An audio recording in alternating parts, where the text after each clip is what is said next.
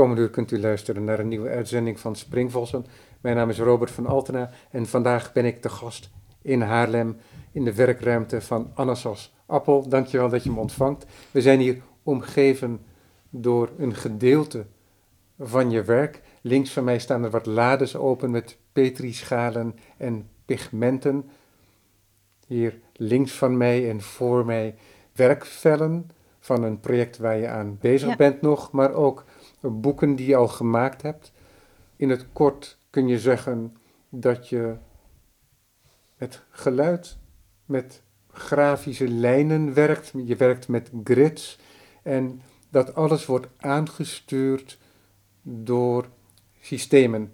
Ja. Ehm, hoe dat werkt, dat gaan we dan het komende uur zien. Ik hoop niet dat het u duizelt, maar ik kan u zeggen, de werken die zijn van een ja, verrassende eenvoud. En dat is waar het uiteindelijk allemaal om gaat. Dat is waar je mee bezig bent. Wanneer ben jij begonnen om op deze manier te werken? Uh, ik denk toch eigenlijk al op de academie. Ik heb mode gedaan op de Rietveld Academie. En het ging bij mij bij de kleding eigenlijk ook veel meer over waar zit het op het lichaam? Uh, uit hoeveel stukken bestaat een kledingstuk? Dus veel meer het uh, analyseren van wat kleding is, dan dat ik echt bezig was met mode of uh, om te ontwerpen. Dat, dat was niet mijn fascinatie eigenlijk. Maar toch maakte je kledingstukken uh, of vrij weinig. Nee, ik heb eigenlijk vrij weinig kleding gemaakt. toen was het, was het ook nog ik heb les gehad van Joke Robaert en Gine Steeman. En zij waren ook op die manier gaven zij les. Dus dan was het ook mogelijk dat je uh, boekjes kon maken of uh, ja, stofjes. Weet je, dat je veel meer uh, het onderzoeksgebied van mode kon benutten. Ja, en... waardoor je in plaats van een menselijk lichaam te behangen, um, ook een, een projectie kon maken in de ja, ruimte. Ja, ja, en voor mijn eindexamen heb ik uiteindelijk ook doeken laten weven. Dus het waren geen kledingstukken, maar plates zijn het geworden. Nou, en, maar die kwamen wel voort uit een onderzoek naar uh, welk kledingstuk heeft welke naden. En uh, ja, hoe, hoe kan je die bekijken? Hoe ziet dat eruit van voor, zij, achter, zij? En daar heb ik een, een weefpatroon van kunnen maken. Dus er, hingen, dus er hing wel een sok en een jas en een broek, maar alleen plat in een weefsel. Ja, ja, op die manier. Ja. Misschien is het goed om in eerste instantie echt één project uit te kiezen. En dan weet ik niet precies of we dan een bestaand project moeten kiezen, of dat we, als jij dat wil althans, beginnen met te spreken over een project waar je niet mee bezig bent. Ja. want dat is altijd een gevoelig onderwerp, weet je. Wil je spreken over het werk waar je nu mee bezig bent? Ja, vind ik wel leuk. Ja, ja nou. omdat ik er zo middenin zit. Ja. nou, laten we dat doen. Laten we dat doen dan. Waar bestaat dat uit? Of hoe is eh, dat begonnen ja, misschien? Deels uh, is het al een bestaand project, wat ik uh, afgelopen jaar heb ontwikkeld en in april ook tentoon heb gesteld bij Galerie Dudok de Groot in Amsterdam. En het is een project uh, wat ontstaan is vanuit uh, het grid van digitaal weergegeven getallen. Ja, die kennen we allemaal. En die kennen we allemaal. Dat als er een ja. inbuisje kapot is, dat er dan iets afvalt. Ja. En dat het dan niet meer leesbaar wordt en een abstract figuur wordt. Ja, ja. En het, het fascinerende daaraan vind ik ook, is dat je dus met zo weinig zoveel variatie kan maken. En dat het iets is wat we zo goed kennen, wat dagelijks om ons heen is. En dan werkt het bij mij eigenlijk dat ik in één keer die blik focus erop, dan bevries en denk, daar wil ik. Dan vergeet ik eigenlijk alles om me heen en dan is dat hetgene waar ik me in vastgrijp ja, en ja, die uh, beperking, ja. die werkt bijna als een soort microscoop voor jou, ja. waardoor je in een uh, nieuwe wereld komt. Of op een ander niveau in de wereld. En daar uh, ontdekkingen nieuwe doen. ontdekkingen te doen. Klopt, ja. Echt de andere kant van de spiegel van Alice in Wonderland. Ja. Ja, en ik denk juist, juist de dingen die we zo om ons heen hebben, dagelijks gebruiken, voor lief nemen. Uh, ja, je hebt het zo geleerd, zo is het. En in één keer wil ik dat opnieuw bevragen. En door eigenlijk opnieuw, ja, zo die focus te hebben van hoe ik er naar kijk. Ja, maar hoe kwam je dat tegen? Ik denk dat ik, naar aanleiding van het vorige project Metamorphosis, waarin ik dus die 100 muziekstroken heb gemaakt. En daarbij was ik ook al begonnen met de getallen 0 tot en met 9. En toen ging het veel meer om uh, hoe is dat in andere talen? Het is ook een symbool de een, maar hoe wordt het in, in het Indonesisch? Hoe schrijf je het dan? Het is dezelfde betekenis, maar het heeft een andere vorm. Je hebt een, een cijferreeks. En die cijferreeks die geeft je ook een fysieke presentie in de vorm van kleur. Ja. En dat wordt gedrukt op papierstroken. Ja. En die papierstroken die kunnen vervolgens ook weer geperforeerd worden. En die perforaties, die, hoe die plaatsvinden, dat is dan weer afhankelijk van de toonladder in een bepaalde cultuur. Nee, dat, nee, niet? nee, dat niet. Nee, ik heb, bij dit systeem is het wel van dat ik de getallen 0 tot en met 9 vertaald heb in 10 niet-Europese uh, talen. Ik zal pak heel even ja, het uh, ding erbij, dan uh, het schema. Dan is het altijd iets makkelijker vertellen. En ik probeerde eigenlijk steeds weer een vertaalslag te maken. Dus hier is, is het de. Ik heb het heel klein geschreven, het staat hier. Uh, ja, dus dit is gewoon ons schrift. En dan bijvoorbeeld hier in het uh, Bengali. En dan hoe je het fonetisch uitspreekt. En dan ga ik weer de, uh, de letters vertalen naar getallen. En die getallen zet ik weer om in centimeters. Dus dan krijg je eigenlijk een hele serie een, lijnen. Een, balk, een, een, horizontale balk krijgt met korte verticale kerven of markeringen. Ja. En die lijnen zet ik weer uit in een ander grid. En het einde van die lijnen bepaalt weer welke kleur het wordt. Dus dan heb ik al een eerste vertaalslag gemaakt van getal naar kleur. En die kleuren hebben altijd een code in de computer. Dus dan heb ik de CM UK code. Die getallen, even zoeken, zoeken. Ja, cyan, magenta, geel en dus uh, K, dat is dan, uh, ja. is het dan de, de zwart die eraan toegevoegd ja. wordt. Ach, dit is een, net een ander. uh, even kijken hoor. Ja, hier zie je eigenlijk, leg ik uit, uit hoe ik van één getal de omzetting doe naar een kleur. En dan is dit de uh, code van deze kleur. Dus dit is Tibetan nummer 5. Dat is 054, 053, 072, 032. Dat ja, is ja, een code. Ja, precies. Dus, dus, de, alles, dus alles wordt gecodeerd en ja. krijgt een plek erin. En die codes die kun je vervolgens combineren. Ja, nou die code zet ik weer om in de muziek. Ja. En dan ben ik eindeloos aan het zoeken met hoe gebruik ik die getallen wie wordt welke toon? Uh, welk ritme krijgen ja. ze? Is het even of oneven? Betekent het als hij even is dat hij langer duurt? En nou, zo speel ja. ik eigenlijk om uiteindelijk. Dus dat systeem bestaat dan. Is die muziek dan ook letterlijk een directe vertaling en neem je elke consequentie voor lief? Of probeer je je systeem af te stellen zodat ook um, het resultaat uiteindelijk uh, nou, het is wel. stemt met wat jij ja, goed vindt. Nou, dat is wel een zoektocht. Want ik had hem eerst, laat ik maar zeggen, vrij uh, staccato. Was het gewoon, elke toon was uh, altijd hetzelfde, uh, ja. dezelfde lengte. Nou, dat klonk wel saai en dan ga ik weer terugkijken. En toen kwam ik, hé, hey, ik kan misschien wat doen met even en oneven. Dus elke keer, kijk, als ik niet tevreden ben, kijk ik terug. Wat kan ik binnen dat systeem gebruiken? Dus elke keer weer opnieuw analyseren. En daardoor ook steeds dieper gaan eigenlijk in op van wat, wat voor informatie heeft het Ja, allemaal. precies. En dus een begrip ook van wat een systeem is en, Ja. en wat het kan doen. Ja, Dus dat probeer je ook te gebruiken. Het is niet zo dat je een systeem bedenkt en Nee. we, we voeren het uit. nee, nee, het moet heel erg, het moet kloppen vanuit waar het uit, vanuit ontstaan is. Dus Ja. ik, kan, ik mag niet in één keer elementen daarbuiten toepassen, omdat het dan misschien mooier zou klinken. En als ik eenmaal ook het systeem heb, dan pas ik dat toe op alles. En dan kan het zijn dat de ene mooier klinkt dan de andere. Maar dat is, dat is ook hetzelfde met de kleuren die ik heb gekregen. Dus dat is uiteindelijk een, een muziekstuk, maar het muziekstuk dat is ook een installatie. Ja, een forse installatie. Ja. Het is heel fijn, maar het eh, neemt veel wand in beslag. Met allemaal stroken eh, van Ja, van- kleuren met die perforatie. En Ja. die perforatie kan uitgevoerd worden. Ja. En mensen kunnen dat ook, die stroken ook voeren in een instrument dat dan plinkplong Ja. heet. Dat was nieuw voor Ja. mij. Waardoor dat dan ten gehore kan worden Ja. gebracht. Om het wat praktischer te maken voor de mensen die zo'n installatie dan kopen. Zoals. Axo Nobel heeft gedaan. Bestaat dat ook op cd.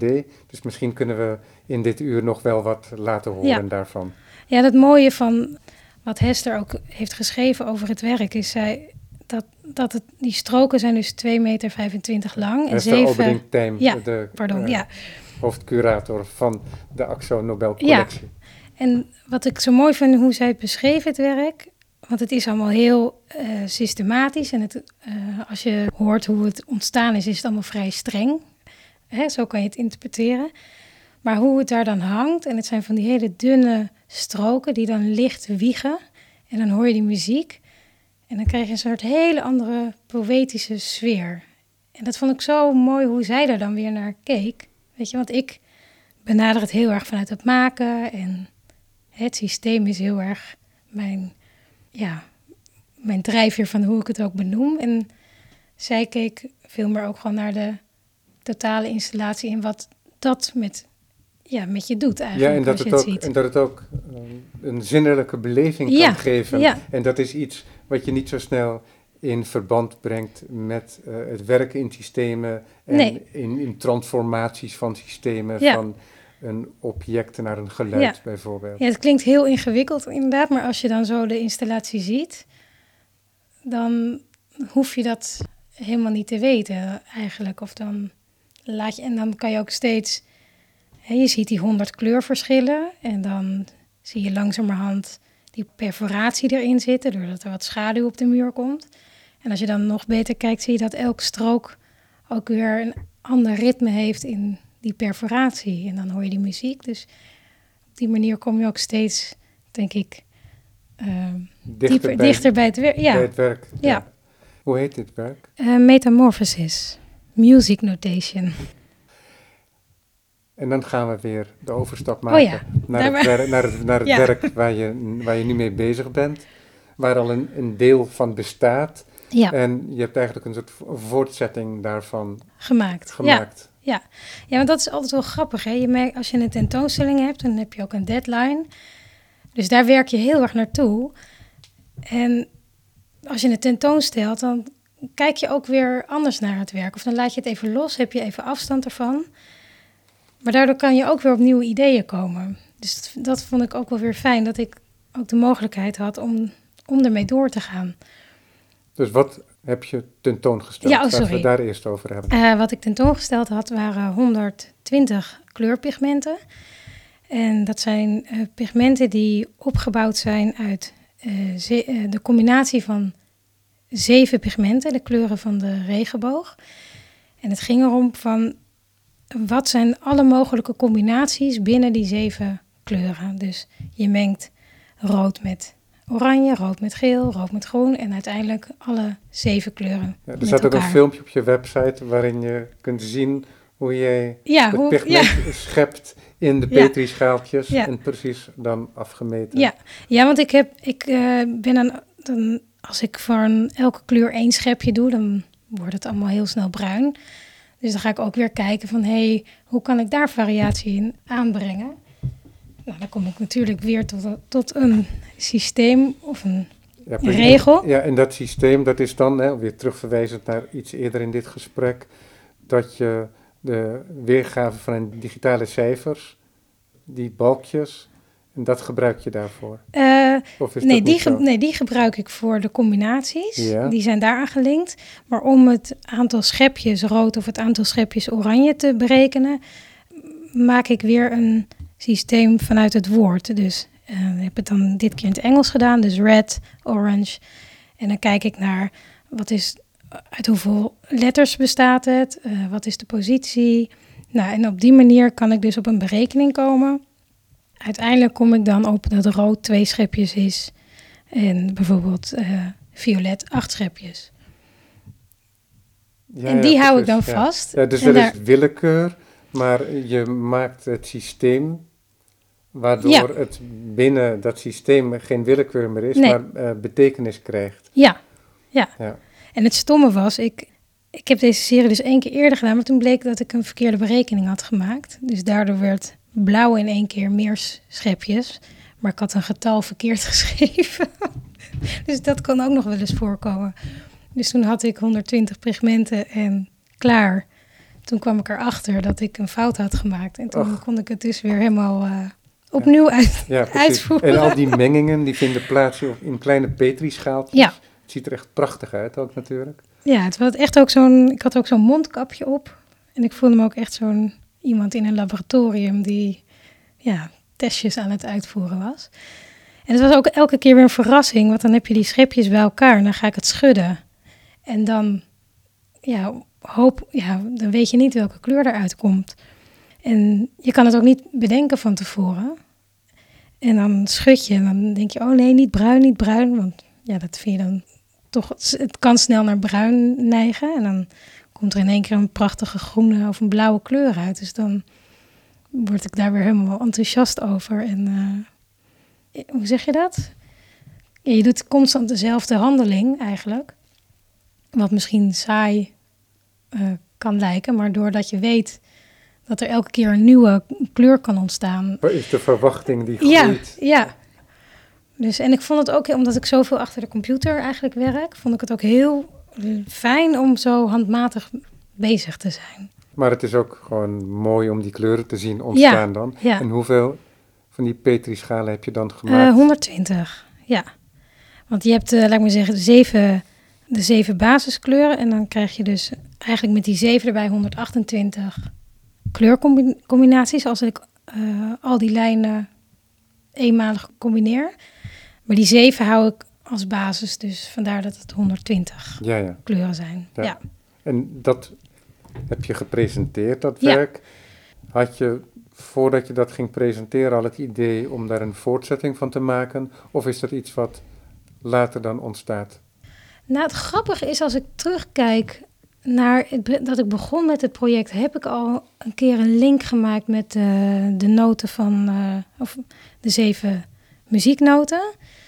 Maar ik denk ook door die korte tijd daar gewoon, dat ik dacht, nou, dat, dat, gaat, dat gaat me niet lukken om dat te overhaasten. En, Dus dat was het wel. En dan denk je meer van, nou ja, dat misschien in een volgend project dat ja, het is, dat niet nog even- eens het is toepas. niet dat je zomaar eventjes wat aanmoddert. Je, je wilt helemaal bedenken wat je Ja. gaat doen. Ja.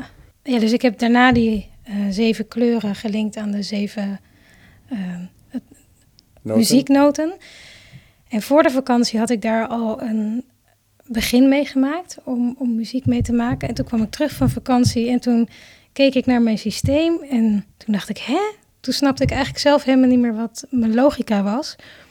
Dus toen ben ik het weer opnieuw gaan bekijken en toen kwam ik weer tot een ander, eh, helderder eh, Formulering als het ware Ja. van dat systeem. Ja, dus soms is het goed om even afstand te nemen en Ja. Weer opnieuw te Ja. kijken. En, ja, want dat is dus ook waar je voortdurend naar op bezoek bent. Je maakt niet zomaar om het even welk systeem. Nee, Maar het systeem moet op een bepaalde manier eenvoudig zijn. En de eenvoud is de schoonheid van het systeem dan. Hè? En dat wordt dus niet gemakkelijk verkregen per definitie. Eh, nee, maar eigenlijk, eigenlijk ga je, hoe, hoe helderder, of hoe zeg, ik, hoe zeg je dat? Hoe schoner je kijkt, dus zonder, dus puur gaat kijken van wat je ziet, los van wat je weet, wat het is, dan krijg je de beste informatie. Ja, je moet het ontkoppelen. Helemaal, ja.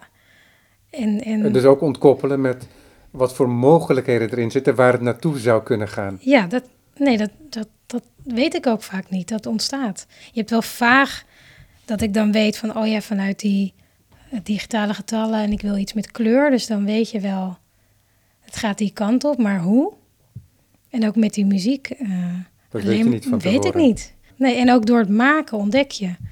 En als ik dan dus een omzetting heb gemaakt van die code van de kleur eh, naar een akkoord. Nou, hoeveel variaties je daar ook weer mee kan doen van welk tempo. eh, dus speel ik het akkoord in één keer of, of wordt het na elkaar gespeeld? de omdraaiingen die ik daarmee kan doen. Uh, de hoofdtoon kan ik langer laten duren dan de andere tonen.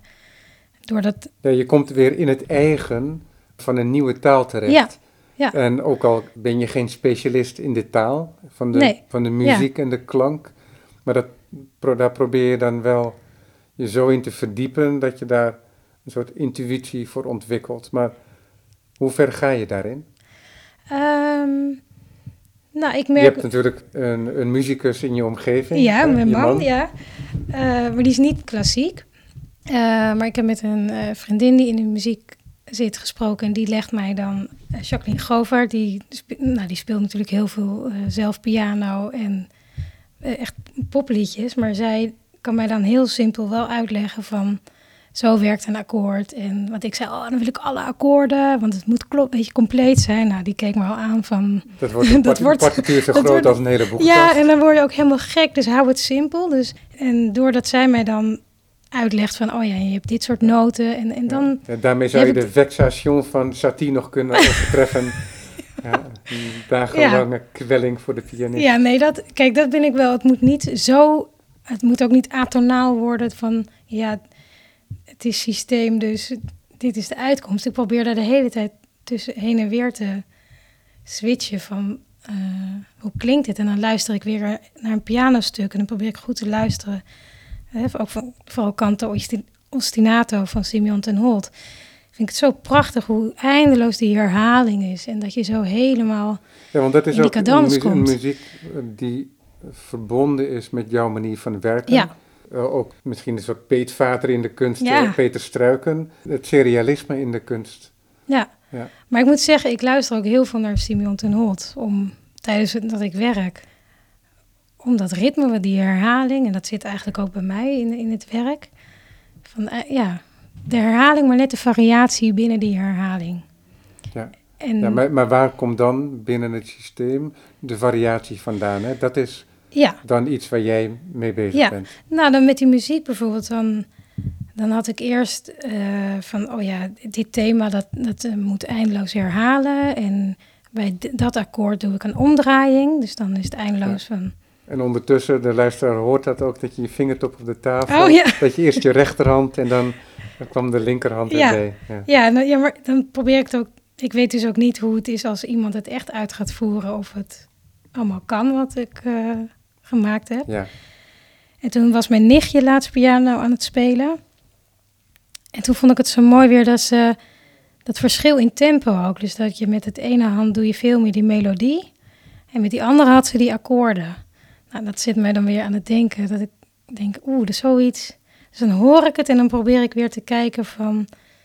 hoe zou ik dat ook kunnen gaan doen? Dus um, in plaats van herhalen pam, pam, pam, pam, pam, pam, kan ik ook zeggen, die toon komt twee keer voor, dus dan duurt die net iets langer. Zodat ik een zo'n herhaling langer maak, in plaats van tan, tan, tan, dat je zegt, oh, hij wordt, de noot zelf wordt letterlijk twee, duurt twee keer zo lang, of drie keer zo lang. Ja. Ja, maar, maar, we hebben het nu nog altijd over dat project dat enerzijds bestaat uit die oh, prachtige presentatie van die pigmenten in de petrischaaltjes. Vervolgens ga je bedenken, ja, die overeenstemming van die zeven kleuren met de zeven noten van de toonladder, dat kunnen we laten corresponderen en dus ook laten weer klinken. Maar dan zit er ook toch weer een, dan moet je dat systeem ook weer doordenken. want dan moet je waarde gaan toekennen aan noten en aan kleuren in, in noten. Maar dan heb je ook zoiets als tijd. Ja. Tijd speelt uh, geen rol bij de petrischaaltjes nee. in zekere zin. Misschien wel in het systeem, ja. maar wel weer in het systeem. ja. Omdat het diachroon is op een bepaalde manier. Transformaties vinden daar plaats. Hoe doe je dat? Want je wilt je systeem bewaren. Ja. dus dan ga je vervolgens kijken naar de elegantste vertaling naar noten. Hè, dus die eenvoud die, die blijft weer van belang. Ja. Maar dan maar is het ook zo dat de uitkomst jou bevalt. Ja, dat is gewoon eindeloos He, het is, proberen. Het is, want het is niet zo, voor alle duidelijkheid, misschien ben ik daar, uh, leg ik daar te veel nadruk op, maar ik denk toch dat het belangrijk is dat het niet zomaar een vertaling is naar noten. En zoals Appel is tevreden. Nee, nee, die noten, je wilt weten wat daaruit komt. Ja. En anders ga je, ga je niet het systeem veranderen, maar ga je de waardes herformuleren. Ja, klopt. Ja, dan ga ik weer opnieuw kijken. eh, nou, van. eh, oh, ja, het zijn in dit akkoord. Oh ja, dit heet dan. Want je hebt natuurlijk meerdere akkoorden, maar ik heb de drie klanken genomen. Dus dan weer kijken van. Oh ja, het zijn drie noten. eh, ehm, je hebt die om. Net als met de pigmenten, dat je alle soorten combinaties maakt. Maak ik binnen zo'n akkoord ook alle soorten combinaties. Ja, en het is constant een heen en weer van luisteren, dan ben je tevreden, luister je het nog een keer. Ah, nee, het het stoort me toch dat dit iets is, maar hoe kan ik daar dan ja, weer herdefiniëren van, van wat je gevonden hebt en nog scherper maken? Wat ik er heel erg interessant aan vind is, kijk, zo'n toonladder, kijk, je bent met systemen bezig en systemen denken wij als artificieel op een bepaalde manier. Hè, soms is het een systeem een geabstraheerde weergave van iets wat in de werkelijkheid gebeurt. Dat is net als zo'n toonladder. Dat is gewoon dat je één koord hebt Ja. en als je het koord halveert en als je de- elke keer de halvering ook weer halveert, zo krijgen we een toonladder. En dat is iets wat dus aanwezig is in de natuur, want het heeft te maken met de lengte van de golven. Ja, daar heb ik ook nog naar gekeken of ik dat kon. Want Ja. kleuren hebben natuurlijk een golflengte. Ja, ook nog. En noten ook. Maar ja, ik ben geen natuurkundige, maar ik heb een neef daarover gebeld. Van, die, die kan dat allemaal wel. Maar die liggen weer blijkbaar zo ver uit elkaar dat je dat niet... Het is niet dat ik dacht, oh, dan kan ik die toon spelen en die is ook toevallig rood. En dan zou je wel weer ook een hele formule kunnen bedenken van hoe je die bij elkaar kan trekken. Dat leek me ook wel interessant. Maar toen was ik ook al heel ver met dit. En Ja. je hebt natuurlijk eh, wel van dat soort inventies gehad in de 20e eeuw, van de synesthetici, zoals Alexander Scriabin, componist en volgens mij ook pianist, die bezig was met de ontwikkeling van een kleurenorgel. Nou ja, dat is misschien aardig om daar een even... aardig om daar een ja. keer naar te kijken Ja. dan. Maar wat ik wilde zeggen, hè, toen ik jou eventjes onderbrak, is dat het aardig is om te bedenken dat die systemen onze manier zijn om de natuur te begrijpen, maar het is ook een bepaalde vertaling al van natuur. Ja, En eh, dus het ligt veel dichter bij elkaar. Het is niet zo dat het een tegengestelde is. nee, nee, maar het is eigenlijk heel grappig van over... We hebben zoveel systemen. Eigenlijk, ik bedoel, de seizoenen is een, kan je zien als een systeem. De hele jaartelling, maar dat is natuurlijk ook bedacht Ja. door ons. Eh, en het ook vaak ja. eh, gethematiseerd in de kunsten. ja, dus eh, eigenlijk als je... En dan denk ik niet alleen aan Vivaldi. maar ook bij Breugel kom je dat tegen. En, Ja, ik denk dat het in heel veel... of ja, systemen, ritmes. Het, het, ook hier, dit, het- dat ik dan ga borduren van... Ja, dat, want, dat, want dat hier, dat is een prachtig vel wat in het midden ligt van deze grote werktafel. Dat zijn witte vellen eh, met reliefs. En die reliefs, dat zijn eh, verticale banen. En die Ja. banen die bestaan uit eh, draad. geborduurde lijnen. En dat is wit op wit. Het vel is iets geler dan het wit van het draad. Ja. Dan ben je bezig met de keuze van de dikte van de draad, stel ik me voor. Ja, van het moet zichtbaar zijn, maar We ook... must take care of the little ones, Ja. Dus zoals ik net al zei, Ja. eh, refererend aan een gedicht van William Blake. Dat is heel belangrijk in jouw werk. Ja, Dat, ook dat klopt. Dus je, je kiest de juiste draaddikte, Ja. je kiest de juiste papiersoort. En dan is er ook nog een keer zo dat de juiste positie moet worden gekozen. Maar die keuze, die maak je vooraf, want je maakt een systeem. klopt.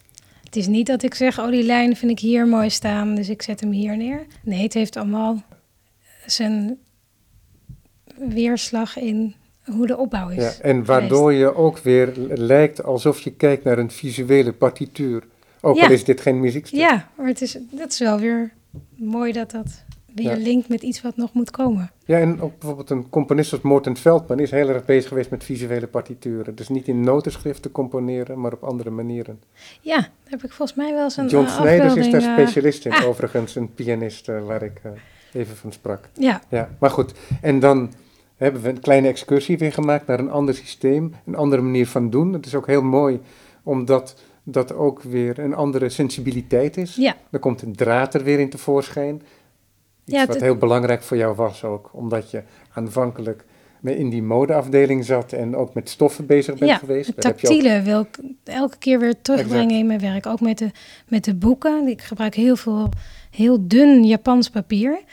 En het mooie daarvan, en vaak ook de Japanse binding, omdat dat, dus dan is het eigenlijk dat je een pagina andersom vouwt. Dus de dichte kant zit aan de buitenkant en dan lijm je hem de open kant in de rug. Daar ook weer, hè, dat je ook bekend bent dus met die technieken en dat je probeert die technieken toe te passen. Ook dus om je project helemaal naar je eigen Ja. hand te zetten. Ja, dat vind ik ook heel fijn om zelf te maken. En daardoor is het ook vaak in kleine oplagen. Eh 10 of tot uitzondering soms 26. Ehm, Oh, het voelt ook fantastisch. ja, het is heel, het, heel het, zijn, zacht het, zijn, papier. het zijn grote Ja, pagina's. Ik denk zo'n 28 centimeter hoog misschien. heel goed, ja, en, precies. ehm, een vrij slanke pagina. Het is een, een, een staande rechthoek. Met daarin grids die, als je wilt, enigszins doet denken aan Broadway Boogie Woogie van Mondriaan. Met een soort bruin, eh, zie ik hier. En dat papier, dat heeft toch ook een soortelijk gewicht ergens. En het is lichter dan je verwacht. ja. Ja, ook als je het boek optilt, want het is vrij, toch best wel een dik boek van nou, 3,5 centimeter, Ja. maar het is heel licht. Ja, en zelfs op het snijvlak heeft het boek een transparantie. Dus de tactiliteit die is binnen, buiten, overal Ja, aanwezig. Nou, en aan de zijkant vind ik zo mooi, door de Japanse binding gaat de print eigenlijk over die buitenkant heen. Dus als je, als je het boek dicht ziet, zie je ook aan de zijkant een ja, een patroon, patroon, ontstaan. ontstaan. En wat ik nog wou zeggen over dat dunne papier. Kijk, in de computer heb je die beelden gewoon plat. Maar doordat ik het print en door die doorschijnendheid van het dunne papier ontstaat er eigenlijk weer een nieuw beeld. Doordat de ene pagina weer met de andere pagina Ja, eh, iets over- aangaat. overlapt. Overlapt, ja. Ja, want dat vlindert zo en dat krult dan lichtjes op. Ja, Zoals de, de vleugel van een vogel ook kan bollen en strekken. Ja. ja. en het wordt... Er ontstaat weer wat nieuws Ja. eigenlijk door... Ja, de interactie van de ene pagina met de andere. Ja, Niet maar- alleen de tegenoverliggende, maar ook de erachterliggende. Ja. Ook door de transparantie en door het feit dat het opkrult als je Ja, het, be- doorbladert. het beweegt in zo'n boek. En je kan, dat is ook het prettige van het boek. Het is één object. Het is een verzameling bij elkaar. En je kan zelf bepalen hoe je er doorheen gaat. En in welk tempo en welk ritme. En dat doet me in één keer denken aan dat het heel grappig is. De combinatie met muziek weer. Dat ik eh, voor een andere tentoonstelling in de Vissel in Haarlem in 2014 was dat, had ik een eh, project over View on the World Map. Waarin ik de wereldkaart eigenlijk weer opnieuw analyseer en visueel uit elkaar haal. En daar heb ik dat boek van gemaakt. Zal ik het er even bij, of kan jij er... Ja, dat zijn eigenlijk alle landen. is echt een machtig blok. Ja, dit is een heel zwaar op een boek. prachtige manier gebonden Ja. is, omdat hij echt als een vierkant uitvouwt ook. En hierin zijn dus alle landen in partjes gesneden. En als een soort Japans schrift van rechts eh, boven naar beneden. In een En soort dan- horizontale balkjes, maar Ja. het zijn geen rechthoekige balkjes. Nee, dit zijn uitsneden van het land. Ja, dus als je. Nederland hebt, dan ben ik, van, laat ik maar zeggen, van Groningen naar Limburg. Zo snij ik ze in partjes tot we bij de Noordzee zijn. En dan plak, eh, En dan leg je eh, schrijf ik het eigenlijk onder elkaar. Ja. Maar als je hier ook doorheen bladert, Waardoor er code lijkt te ontstaan. Ja, en je ziet het ritme van landen die veel compacter zijn, Ja. eh, waar veel meer water tussen zit. En, hoe je doe je, veel... doe je dat dan met een eilandrijk land als Japan? Ja, die heeft. eh, eh, dan krijg je veel meer tussenruimtes. Dan, Want ik snij nog steeds van. water is ja, de tussenruimte. water is Ja. de tussenruimte. Dus die Oh ik krijgt een heel ander patroon. Maar toen zei een oud-docent van de Rietveld tegen mij... kijk, dit is zo'n bijvoorbeeld eentje met veel meer water. Even kijken wie dit is. Oh, dit is Engeland. Dus dan zie je veel meer gebroken lijnen eigenlijk eh, Ja. ontstaan. Maar die vond dit al zo eh, bijna een muziekstuk. En dat heb ik dan waarschijnlijk toch Opgeslagen. opgeslagen en meegenomen in eh, Ja. de werken daarna. En dit boek, maak je dat dan zelf ook? Ja. Maar dit is wel een crime hoor, omdat je... Ja, ja het, het is bijna alsof je naar, tegen een schoon boekblok aankijkt. Met een open rug, waardoor je de binding, en de lijm en de, het eh, naaiwerk ziet. Ja, schitterend. Ja, en dat, dit vind ik dan zo leuk is dat je... En je ziet het verschil in landen. Dus Nederland is eh, misschien één streep. Dit is bijvoorbeeld Luxemburg. Dus dan heb je een hele witte pagina. Ja, Lux- Luxemburg is nog niet een voetnoot, Nee, kan ik u zeggen. en Rusland natuurlijk. Die is weer echt... Die, die gaat over eh, vier, vijf pagina's eh, heen. Ja, de uitgestrekte steppen. Ja, hier is die. En het gekke is dat er dus ook weer allemaal patronen ontstaan. En hoe zit Die, het eh, dan met de kleur in dit geval? Ik heb... elk land heeft... Want het is vrij tonaal, hè? maar ehm, er zijn, het zijn niet alle kleuren van de regenboog in het boek. Nee, ik heb per land een, een tint groen genomen. En dat is ook weer een ander boek. Dus het is eigenlijk weer een serie dat, waarin dat dan weer in voorkomt. En volgens mij ben ik begonnen met tinten uit een foto van de wereldkaart te nemen. Van echt alle groene stukken. En daar heb ik Ja, weer dus, ja dan eh, heb je tinten ook, van genomen. ja precies, niet, dat is niet alleen een geografische, maar ook eh, geologische weergave vaak in kaarten. Ja, ja. Dus, daar, dus je zou het ook aan kleur weer op kunnen... En dan gaan we vanuit dit prachtige boekblok over die landen, gaan we weer terug naar, naar je, je voortzetting van je project, van de petrischaaltjes, met de pigmenten, naar de muzieknotatie. Ja, Want dat is het in eerste instantie nog. We hebben het alleen nog maar over notatie. ja. Nou, ook... Ja, En uiteindelijk moet het gaan klinken ook. Hoe gaat dat? Maak je een proefje? Ga je kijken hoe dat klinkt? Als je denkt van nou, dat is nog niet rijk genoeg. Ik moet terug naar de werkkamer, naar de werktafel, om de waardes aan te passen binnen dat systeem. Nee, dat is een beetje mijn probleem. Dat ik vaak heel enthousiast ben dat ik denk, ja, dit is het. En dan maak ik een, een behoorlijk eind. Maak ik dan al zo'n eh, muziekstuk. En dan heb ik het een paar keer geluisterd en denk eh, nee, toch niet. Nou, en dan moet ik het dus weer helemaal opnieuw doen. Kijk, ik, ik kan niet één, één klein stukje horen. Dan, dat is te weinig, want je moet die variatie horen om Om ook te, om te kijken of de variatie werkt, of Ja. het spannend genoeg blijft. Klopt. Dus dan is het eh, eh, weer terug en weer aanpassen. En, maar ik bouw eigenlijk, ja, de notatie, daar begin ik mee in, eh, gewoon in, op mijn computer in InDesign. Handmatig zit ik dan dat te bouwen. En als ik die omzetting van die noten maak ik weer in Sibelius, is ook een muziekprogramma op de computer. Componisten gebruiken ja. voor hun eh, werk. Want dat Ja. gebeurt tegenwoordig bijna altijd op de computer. En dat vind ik ook weer helemaal leuk om, dat, om zo'n programma weer opnieuw eh, de mogelijkheden in zo'n programma te ontdekken. Ja, want dat is En, een eh, programma in een programma krijg je dan. Dat is ook het, het gekke ervan natuurlijk, dat het een opeenstapeling is van systemen waar je weer gebruik van kunt maken. Maar dat, dat systeem komt op een bepaalde manier niet meer terug in jouw werk, maar dat is slechts een instrument dan. Ja, ja. Ja. Maar ik vond het wel grappig wat je net zei. Je had het over no- notatie, muzieknotatie. En eigenlijk is dat wel iets wat in mijn hele werk voorkomt. Is die, de manier van noteren van systemen. Ja. En- ja, maar ook ja. dat een lijn of een verzameling lijnen die tot patroon worden, dat, dat is een visueel element, ontwerp zou je kunnen zeggen, maar het kan ook betekenisdrager worden, hè? want dat is, werd duidelijk in een vroeg werk van je, dat je bedacht, leerde dat die Schotse patronen betekenis hadden. Ja, Dus dat het een aanduiding was van een geografie, van een familie.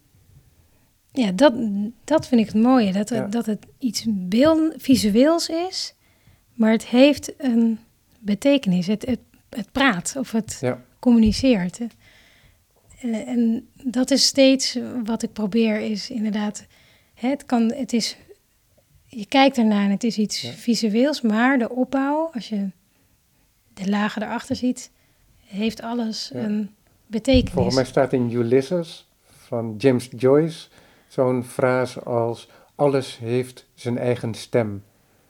Ja, Ja, want hij laat daar ook een, de machinekamer spreken van een drukkerij. En dan hoor je al. ja een en dat is bijna als, een, soort- als de rijen uit een tragisch klassiek theaterstuk. Die commentaar leveren op de menselijke komedie die daar ook plaatsvindt in die stad. Die Dublin is dan. Maar goed, daar ehm, moet ik dan aan, aan denken. In ieder geval, alles heeft zijn eigen stem. Dus ook die systemen en alles komt tot leven. Hè? Dat is waar je mee bezig bent. Ja. Om datgene wat in eerste instantie uitdrukkingsloos lijkt, om dat tot expressie te brengen ook eigenlijk. ja. Nou, en, en ik denk ook, hè, misschien heel kinderlijk, maar wat ik het mooie vind aan als kind ben je blanco, maar je, je wordt allemaal dingen worden er eh, geleerd en je neemt het aan. Je bent, je bevraagt nog niet zoveel. En misschien, weet je, op school denk je, oh ja, was ook toevallig hoorde ik dat ook een keer in een, in een stukje dat iemand zei, ik leerde altijd dat is de hoofdstad van dat en maar waarom is een hoofdstad een hoofdstad? Ja, Daar is ook niet één eh, re- niet een duidelijke reden voor. Maar voordat je dat gaat vragen, ben je alweer veel verder. Als Ja. kind ben je. Ja, en het waarom is bij mij, denk ja, ik. gelukkig bestaan er ook ambivalenties. Dus dat de Ja. hoofdstad niet per definitie de regeringsstad is, Nee, zoals in nee, Nederland. nee, dus er is niet een echt een definitie van wat een hoofdstad, eh, of dat het de, met de grootte te maken heeft, of met de eh, regering die erin zit. En nu ben ik met nog een ander project bezig en dat gaat ook weer over het alfabet. En dat ik ook weer ga vra- bevragen, wat, waarom is de volgorde zoals die is van het alfabet? En wat als ik door visuele berekeningen tot een logischere volgorde kom? Of Ja, gewoon weer opnieuw interpreteren wat we weten en andere, de informatie die het ook in zich heeft, kijken van hoe, hoe ga je er anders naar eh, ja want dat is kijken. dan voor ons schrift.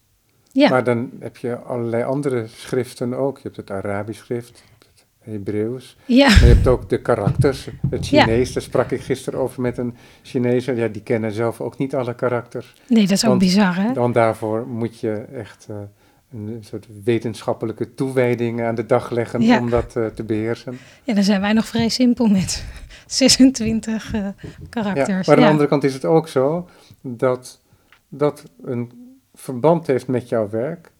Is dat je, ik weet niet of het dan een rasterwerk is, maar dat je een soort beeld hebt. En met hele kleine aanpassingen aan het beeld eh, verandert. Dat is, een, dat is ook een aanpassing van de waarde dan. Dus eenzelfde karakter kan naast een ander karakter iets heel anders Ja. betekenen. Of met een toevoeging van een klein streepje ehm, ook een hele andere betekenis krijgen. En een nieuwe betekeniswolk losmaken.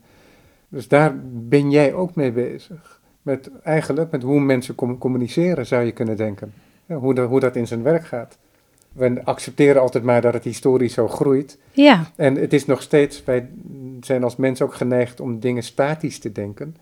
Maar de mens zelf, als evolutionair wezen, maar ook onze taal en onze gewoonten zijn voortdurend aan verandering ja, onderhevig en we zien niet waar het naartoe gaat. Maar jij bent daar op een bepaalde manier ehm, binnen jouw systeem ook mee bezig. En je ziet ook dat met hele kleine aanpassingen er hele grote verschillen kunnen ontstaan. ja. Maar dat, dat is ook grappig. Dat denk ik ook wel eens met die systemen. Eh, ik heb dat wel eens vroeger gezegd van nee, want dat is het systeem en dan dus het klopt. Maar toen zei iemand tegen mij, ja, maar jij verzint toch dat systeem en jij maakt toch je keuzes binnen dat systeem. Dat ik dacht, oh ja, maar het was voor mij zo'n waarheid weer geworden. Ja, consequent zijn. ja, ja. Maar dus dat ik bijna vergat dat ik Ja. ook mijn vrijheid heb Ja. wat je binnen Ja. eh, dat systeem Ja. kiest. Ja, maar dat is ook wel iets wat wij voortdurend geneigd zijn eh, te vergeten. Dat wij de wereld begrijpen doordat wij er allerlei netten over uitwerpen. En wij, zei ik van de week eh, tegen een andere kunstenaar, wij verwarren wel eens het net met de werkelijkheid. Ja, Ja, Ja, dit- nou, ik heb toevallig eh, van Robert Dijkgraaf eh, ook een hele serie gezien, eh, The Mind of the Universe. En daarin beschreef hij ook heel mooi dat je als wetenschapper ook grip wil krijgen op de chaos. En ehm, houvast wil krijgen van hoe de dingen in elkaar zitten. En dat hebben wij denk ik gewoon als mens En dus je- proberen om een orde te ontdekken. Juist.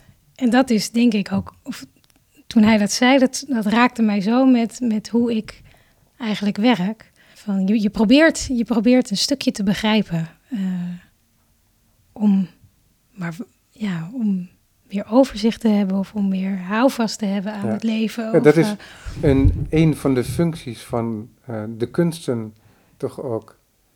En soms ervaar ik dat ook heel direct, bijvoorbeeld. Ik was een tijd lang heel druk bezig met opnames, waardoor ik geen muziek meer luisterde. Dus ik had alleen maar stemmen op mijn hoofd, die spraken. En, eh, en ik luisterde geen muziek. En toen stond ik nota bene in een parkeergarage de auto geparkeerd onder een speaker. En normaal gesproken wil je zo'n situatie ontvluchten.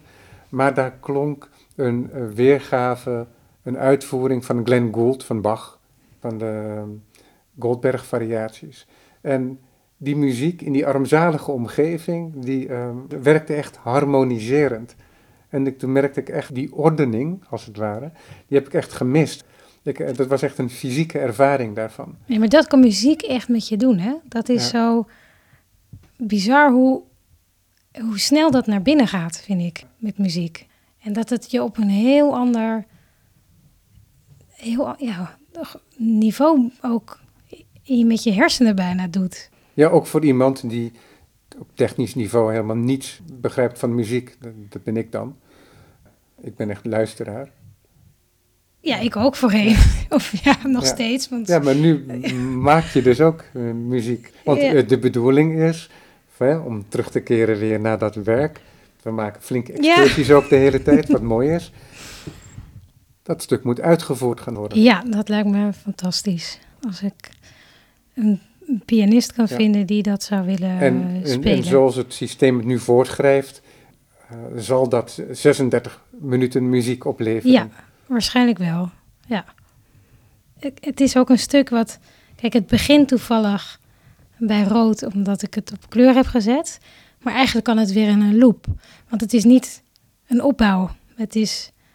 Het begint. En het eindigt eigenlijk ook heel plots. Maar het kan ook weer beginnen. Het is. Hè, normaal heb je een stuk echt dat het ergens naartoe gaat en weer terug. Of ook in een verhaal. En dit. Ja. Dit is constant of zo. En daar binnenin zitten natuurlijk wel de variaties door de akkoorden. En... Dus dat vind ik ook wel spannend. Van hoe lang blijven mensen daar naar luisteren? Kijk, ik word... Ik kan me daar helemaal juist... Net als met Simeon ten Holt, daar ga je gewoon helemaal in mee. Ja, dus dat vind ik nog wel spannend ook. Omdat het ook niet mijn gebied is, weet je. Dus je komt... Ik ben heel benieuwd als een... eh, ja, echt een pianist er naar luistert. Ik heb al Ja. een fragment gehoord, ehm, zoals de, de computer dat speelt. Ja, Ja, we moeten maar even kijken welk stuk we dan aan het einde van dit uur ehm, aan ons gesprek plakken, wat we dan willen laten horen. ja. En wanneer denk je dat muziekstuk af te hebben, hè, zonder dat we het he- hebben over een uitvoering en een... Eh, als ik geen veranderingen meer aanpas, ik ben, Ja. nu, ben nu wel tevreden, dan eh, zou ik het binnen een maand af kunnen maken. Want het is nu dan ja, heel suf, maar een kwestie van invoeren en, eh, en maken. Het beginstuk is altijd gewoon het, dat duurt het langst. En als je eenmaal weet, de beslissing hebt van dit, dit is het, dan is het toepassen en, ehm, en maken. Is daarmee dan deze reeks van projecten, mag ik wel zeggen, wat misschien ook wel weer een geheel wordt, is het daarmee dan ten einde? Of denk je dat nog weer anders? Ja, dat gaat. Ik heb nog een uitvoering die ik wil maken. En dat kwam eigenlijk doordat ik het eh, muziekstuk naar mijn man, die werkt in weer een ander muziekprogramma. Ik kom even niet op de naam. En die vertaalt het eigenlijk in blokjes. Dus elke noot wordt weer in een, in een blokje gezet. En dat deed me enorm denken aan een eh, weefpatroon. Plus dat het weven ook gaat over een draad, is onder of boven, zichtbaar, niet Dat is zichtbaar. ook net als wat je eerder zei, dat is net als een 0 en een 1. Ja, 0 en 1. En dan Ja. kom ik weer terug eh, Het is ongelooflijk project. eh, wat een rijkdom en metaforen dat oplevert. Ja, En associaties altijd als metafoor, het weven. ja, ja, zo'n enorm. Ja, Oud ambacht. ja. ja, het is ook fascinerend, het weven, vind ik. Ik. Ik kan het soms ook nog niet helemaal van hoe... Dus die mogelijkheid die zag je omdat je het anders getranscribeerd zag. Ja, ja. En dus ga, ja, dat wordt ook wel weer Of genoteerd. genoteerd. zeggen, Eigenlijk weer een andere notatie. Weer van. En dan ga ik. Dat wordt ook wel weer een heel project van hoe ga je dan hè, de noten die je hebt. Want ik wil het niet zoals letterlijk zoals het in het programma voor ja. Gewoon, zichtbaar is uitvoeren. laten weven. want daar gaat het ook weer om het toekennen van waarden. Ja. En, om, en dus ook om het resultaat ergens te controleren zonder het systeem te verraden. Ja. Want dat is dan wel belangrijk. Ja, maar het kan wel weer dat je zegt van eh, de noten die eh, net langer duren, die hebben dus een andere. Kijk, in dat programma hebben ze daardoor ook een langere balk. Maar misschien worden het wel cirkels of eh, dat weet ik nog niet. Dat, dat ga ik hierna eh, uitvinden. En misschien wordt het wel een gigantische lap eh, geweefde stof. Wat, maar het lijkt me prachtig als je dan die pigmenten hebt, die geborduurde werken, de muziek. En dan zo'n geweven doek om dat eh, ergens tentoon te stellen. Eén grote installatie. Een grote installatie, ja. Ja. Ja, En de boeken kan- natuurlijk dat kan ook. ik me Ja. goed voorstellen. Ja. Ja. Dat is een lang traject dan, hè? Want wanneer ben je met die pigmenten begonnen? Eh, Op die manier ik te denk werken? Vorig jaar. Ja, nee, ik, heb, ik werk altijd heel... Meestal neemt het wel ruim een jaar in beslag. Ja. Mijn, En dat is ook iets wat je niet van tevoren kunt bedenken. Dat die, op, die opeenvolging, niet het Nee. eruit komt in ieder geval. nee, nee, dat is toch het, het, het ene beeld roept weer een, een, iets volgens eh, op, eigenlijk. En dan ja, een soort associatie. En dan ontstaat weer het volgende. Het is, ik, ik weet nooit wat het wordt. Ja, want wat er ook interessant aan is, is dat je als kunstenaar, werk je bijvoorbeeld op papier en je hebt ook al gewerkt met weefsels. Ja. En dat is dan je werkterrein als het ware. En dat is een specialisatie en daar beweeg je dan in en daar denk je je projecten dan ook in. Maar omdat jij ook het principe van de vertaling tot onderdeel van je werk hebt gemaakt, kom je ook in nieuwe gebieden terecht. Ja, En dat levert weer nieuwe mogelijkheden op. ja. Dus eh, je verbreidt voortdurend. ja dat vind In ik ook zin. heel leuk. Ja. Ja. En ook om, En je verliest jezelf niet omdat dat systeem er nog steeds is. ja. Maar ik moet wel, het moet wel, eh, ja, we- wel lo- logisch voortvloeien inderdaad van het ene systeem. Of het, het, moet, het is denk ik niet andersom dat ik in één keer denk, oh, ik wil echt nu een film maken, dus ga ik kijken of ik, weet je, dat moet ontstaan of zo. Ja, Of nee, dat moet op het pad ja. komen en dan komt Ja. er zo'n nieuw media. eh, of, Ja. het moet in zekere zin een soort logische consequentie zijn. Ja. Ja. Een uitvloeisel. Maar dat de muziek nu eh, erbij komt, vind ik ook wel heel mooi. En het grappige is, ik begon echt met boeken. En een boek is natuurlijk ook, heeft iets veiligs. Het zit dicht. Het hoeft niet, eh, hè, het is niet, wow, het is niet heel aanwezig of zo. Nou, dan komen de prenten. Nou, dan krijg je al iets meer dat het communiceert. Textiel ook. En echt met die installatie eh, van Metamorphosis, die stroken. Dat ja, was dat, voor is, mij... dat is een hele ijle installatie eigenlijk, want het papier is eh, dun. Ja, En de stroken die hangen daar, maar die bewegen ook door een hele fijne lichtstroom. ja, er is weinig voor nodig om ze te laten Ja. bewegen. Maar ze nemen tegelijkertijd wel enorme wandruimte in beslag. 20 meter was het geloof ik, misschien nog iets meer. Eh, nee, Nee? nee, eh, het is ongeveer een meter per, meter denk ik per eh, groep. Dus dan zit je op, Ja, 12 meter. ja, Ja. met tussenruimtes erbij. Ja, precies, met tussenruimtes erbij. Want je hebt een print gemaakt waarin de hele installatie eh, naast elkaar eh, ja, te zien is. Zodat je overzicht hebt ook. ja, maar Ja. dat is ook grappig. Je maakt het dan allemaal op je computer, maar pas als je het in het echt... eh, de eerste tentoonstelling was bij Bradwolf Projects in Amsterdam. En toen had ik nog maar tien stroken af. En pas daar heb ik het voor het eerst het werk in zijn geheel gezien. En dat was ook wel bijzonder, want je, ik zit dat dan te stansen op de bank. eh, Ja, met, een heel klein, met een heel klein instrumentje. Ja, heel klein tangetje. En dan rol je het weer op, want het moet natuurlijk, eh, het is heel kwetsbaar, Ja. dus het moet veilig blijven. En dan in één keer in die ruimte bij Bradwolf oh, hingen ze daar zo. En dat was Ja. wel eh, voor mij ook weer, ja, wel, dat raakte me wel om dat te zien. Dan Ja. weet je waar je aan gewerkt hebt Ja. en wat je bedacht hebt. Ja, En Ja. je hebt het wel enigszins gevisualiseerd, maar dan ben je toch ook onder de indruk van die visuele presentie. klopt. Ja, Ja. en we hadden het ook eh, een systeem, een, een ophangsysteem bedacht. Eh, mijn allerliefste vader heeft me daarbij bij geholpen. Dat het net iets van de muur afhing, waardoor, waardoor je die beweging Ja. krijgt en Mooi. die ruimtelijkheid. Dus Ja. dat was echt, eh, ja, was, was leuk om, Ja. ja. Anders als appel. Ik dank je wel voor het gesprek. Het uur zit erop. Eh, Jij ook ik hartstikke hoop bedankt. Ja. Heel binnenkort inderdaad die prachtige installatie met de pigmenten in petrischaaltjes en de muziek en de weefsels en wat er al niet uit voort mag komen. ja, Daar kijk ik naar uit. Dank je wel. dankjewel.